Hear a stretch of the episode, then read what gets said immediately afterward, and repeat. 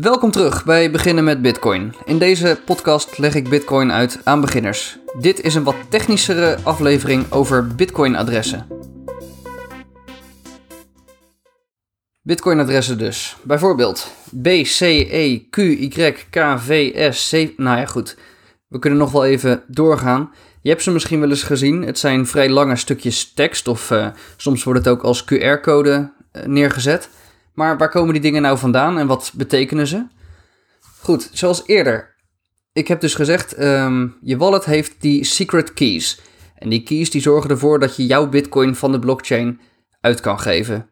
En als iemand dus iets naar jou overmaakt, dus die gebruikt jouw adres, wat door jouw wallet is gemaakt, dan kan jouw wallet kan die bitcoin weer uitgeven, omdat jouw wallet de secret keys heeft die horen bij dat bitcoin adres.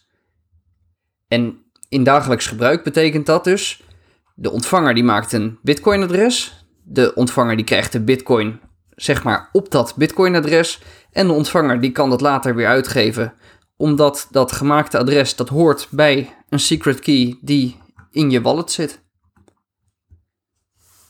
En dit alles dit is gebaseerd op public key cryptografie en dat komt uit 1970, dus dat is al best even oud. En er zijn nu twee soorten keys die uh, belangrijk zijn.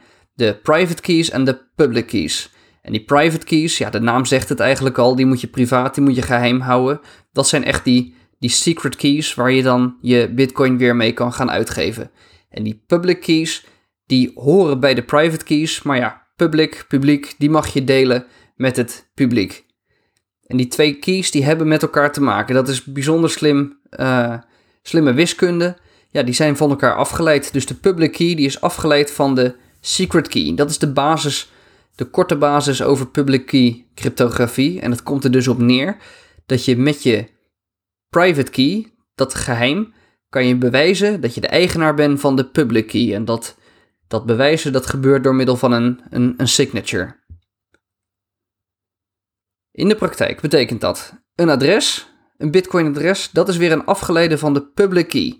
Dus in de hele, uh, ja, stap voor stap betekent dat, je begint met een secret key. En die secret key die maakt een public key. Die zijn aan elkaar gerelateerd, die horen bij elkaar. En van die public key, daar kan je weer een bitcoin adres mee maken. En zo'n bitcoin adres, ja, die kan je uh, delen met elkaar en dan kan je bitcoin uh, naar sturen. En wat dan niet kan, is andersom. Je kan niet van die publieke key terug naar je private key. En dat is een van de slimme dingen van public key cryptografie. Dus je kan je public key zoveel delen als je wil, dat is publiek. En niemand die gaat daar een private key van terug kunnen berekenen.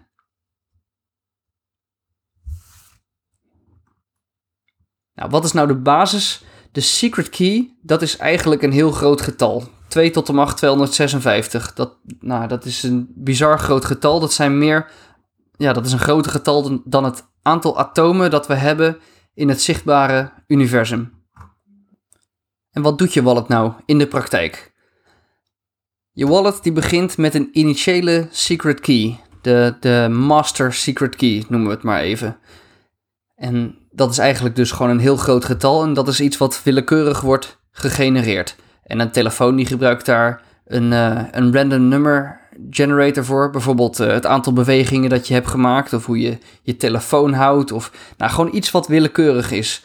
Misschien gebruikt hij wel uh, ja, radiosignalen uit de, uit de omgeving. Ja, iets wat, niet, iets wat niet na te doen is. Dat is dus ook heel belangrijk dat je je secret key die wordt gegenereerd van iets echt willekeurigs.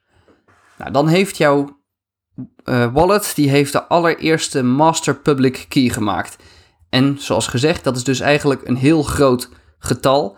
En om dat getal nou makkelijk uh, overdraagbaar te maken, gebruiken we 2048 vooraf vastgestelde woorden om dat getal om te zetten in tekst, zodat je dat op papier kan opschrijven en in je kluis kan leggen.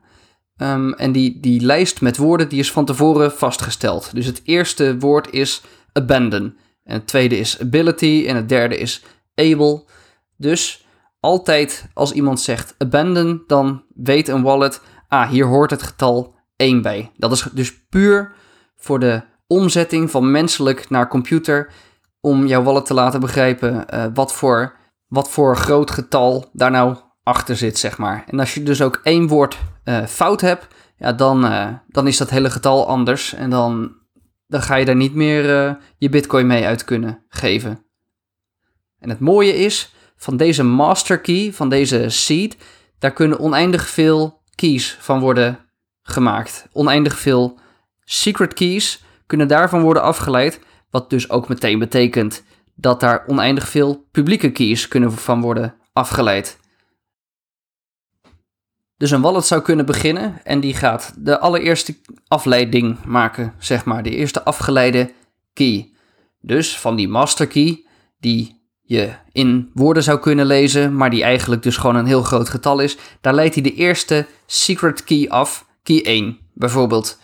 En dat is omdat jij uh, bijvoorbeeld Bitcoin wil gaan ontvangen. Dus je wallet, die maakt de eerste afleiding, afgeleide key, moet ik zeggen.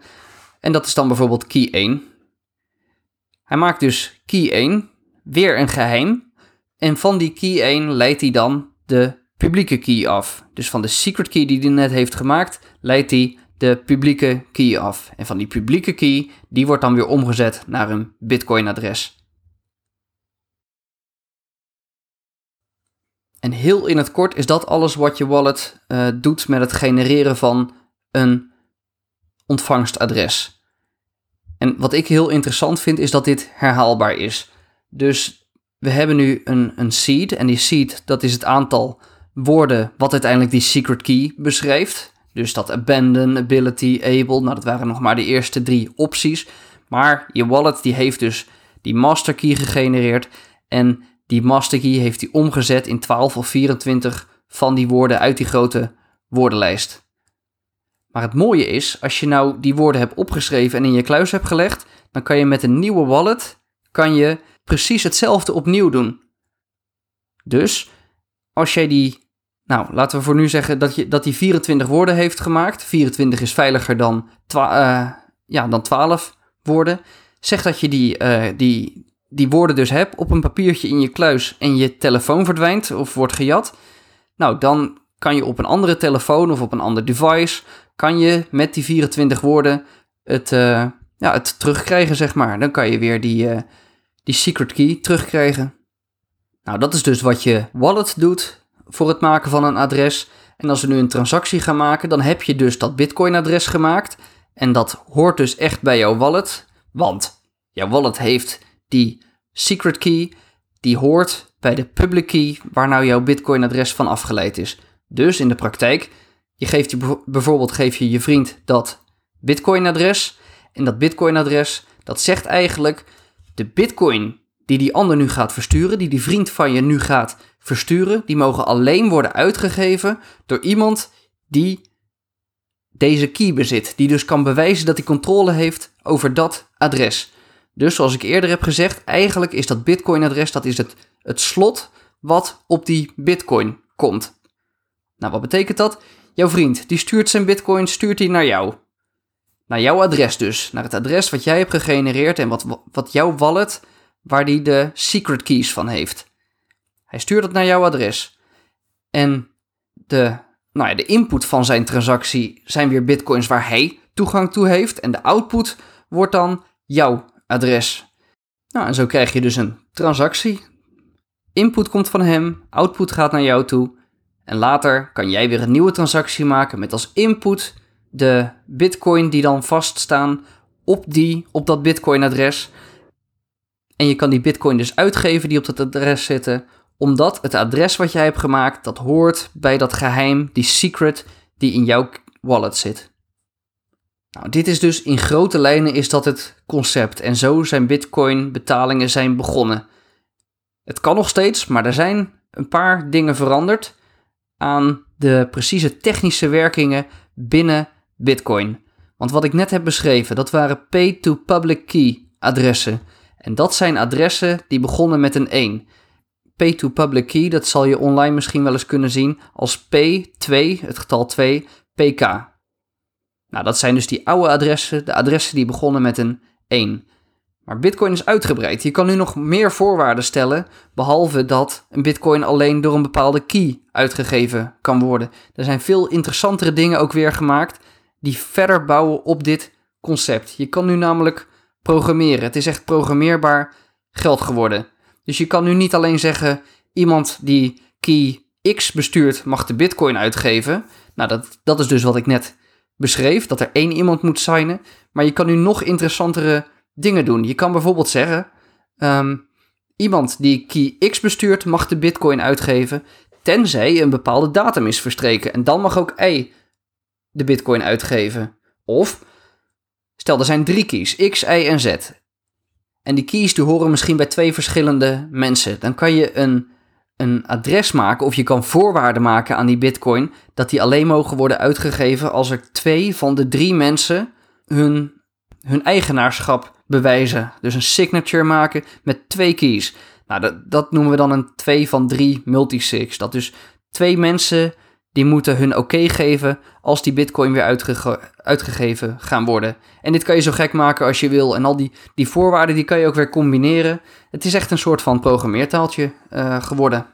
Nou, die nieuwe concepten, dat bijvoorbeeld de bitcoin door X mag worden uitgegeven, tenzij na een bepaalde datum, dan door Y. Of hij mag worden uitgegeven als twee van de drie hun signature geven, dat paste niet in zo'n simpel één adres. Niet in zo'n adres wat begon met een 1.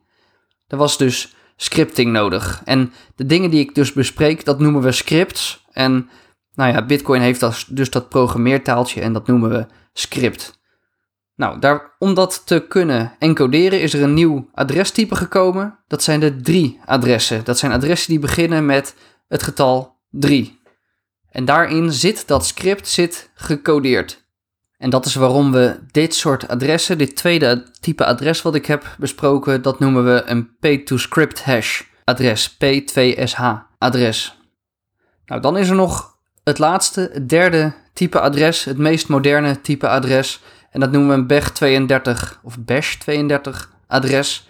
En zo'n adres, zo'n BEG32 adres, dat is het, ja, het nieuwste type, dat zei ik al, en dat begint met BC1. En met deze BC1-adressen, daar kan alles mee wat ik hiervoor ook heb benoemd.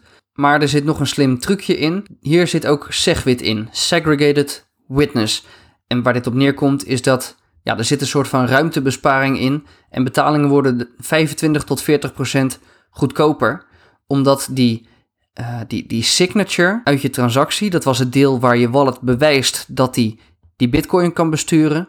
Die komt in een apart deel terecht en dat wordt niet meegeteld voor je transactiegrootte. En je betaalt voor transactiegrootte, dus door dat eruit te halen wordt jouw transactie goedkoper.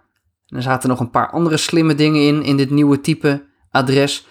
Vroeger was het een base 58 adres, zo noemden we dat. Dan waren er hoofdletters, maar ook kleine letters en getallen. Dan moest je steeds zeggen van kleine p, grote q en dat soort zaken. En nu zijn het alleen maar kleine letters. En dat is een stuk makkelijker om uh, voor te lezen, zeg maar. Dus als je wallet die mogelijkheid heeft om een BEG32 adres te gebruiken, dan, ja, dan gebruik die alsjeblieft. Want ja, die zijn dus een stuk goedkoper en ja, die gebruiken de allernieuwste mogelijkheden. Nou zou je denken, dit waren al drie typen adressen, dus moeten we dan straks weer een nieuw adres als we iets nieuws in Bitcoin willen kunnen. En gelukkig hoeft dat niet, want toekomstige verbeteringen die kunnen ook werken met dit formaat. We zitten, ja, er zijn 17 versienummers zitten erin en we gebruiken nu nog maar versie 0. En versie 0 van dit BC1-adres, dat is een P2WPKH-adres. Nou, dat hoef je niet letterlijk te onthouden, maar het staat voor een P2Witness Public Key Hash. Nou, dat waren nogal wat concepten om het over te hebben. Dus ja, waar heb ik het nou over gehad? Adrestypen, verschillende soorten. De alleroudste begon met een 1, daarna kregen we adressen met een 3 en later zijn we naar adressen met BC1 gegaan. En ja, dat ging dus van oud naar nieuw. Dus eerst hadden we die P2 public key hash. Daar konden we alleen maar overmaken naar public keys. En daar waren verder geen voorwaarden. Toen kwam er later kwamen, die, die, kwamen er die drie adressen. En dan konden we opeens scripts konden we erin gaan zetten. En uiteindelijk hebben we ook de BC1-adressen, de meest recente adressen gekregen Dat heette de Native Segwit adressen. En dat zijn dus de, de nieuwste en de meest uh, ruimtebesparende adressen ook. Nou, je weet nu ook wat een wallet in de praktijk doet. Wat je wallet doet om zo'n adres te maken. Hij gaat van een seed, maakt hij een secret key, een afgeleide secret key maakt hij daarvan. En van die key, die secret key dus, maakt hij een public key, wat dan weer een Bitcoin adres wordt. Nou, je weet ook dat je wallet een seed heeft. En dat is dus een, een heel groot getal dat in woorden uit te drukken is. En die seed die kan je dus herstellen op een nieuwe wallet. Nou, tenslotte, wat ik niet heb gezegd, dat dat nieuwe type wallet, waar je dus met zo'n seed werkt, werkt die, uh, dat noemen we een Hierarchical Deterministic Wallet, een HD wallet, waar je dus maar één geheim hoeft op te slaan of te backuppen of op, op uh, papier te zetten. Je hoeft er maar één te hebben om oneindig veel adressen te kunnen maken, om die te kunnen afleiden. Want wat, wat wallet, wallets eerst want wat wallets eerst deden, dat was dat ze gewoon 100 willekeurige adressen maakten vooruit, zeg maar, gewoon ja, om, om toekomstige betalingen op te ontvangen. En ja, toen moest je al die 100, minimaal 100 uh, eh, geheimen moest je bewaren. En nu hoeft dat er dus maar één te zijn. Nou, het was nogal wat. Ik hoop dat het uh, begrijpelijk was. Dit uh, waren dus de, de basisconcepten van Bitcoin-adressen. En kom nou met vragen naar de, uh, de Telegram groep. Die vind je via beginnenmetbitcoin.com of zoek in Telegram naar beginnen met Bitcoin. Nog steeds één woord. Bedankt voor het luisteren en tot de volgende aflevering.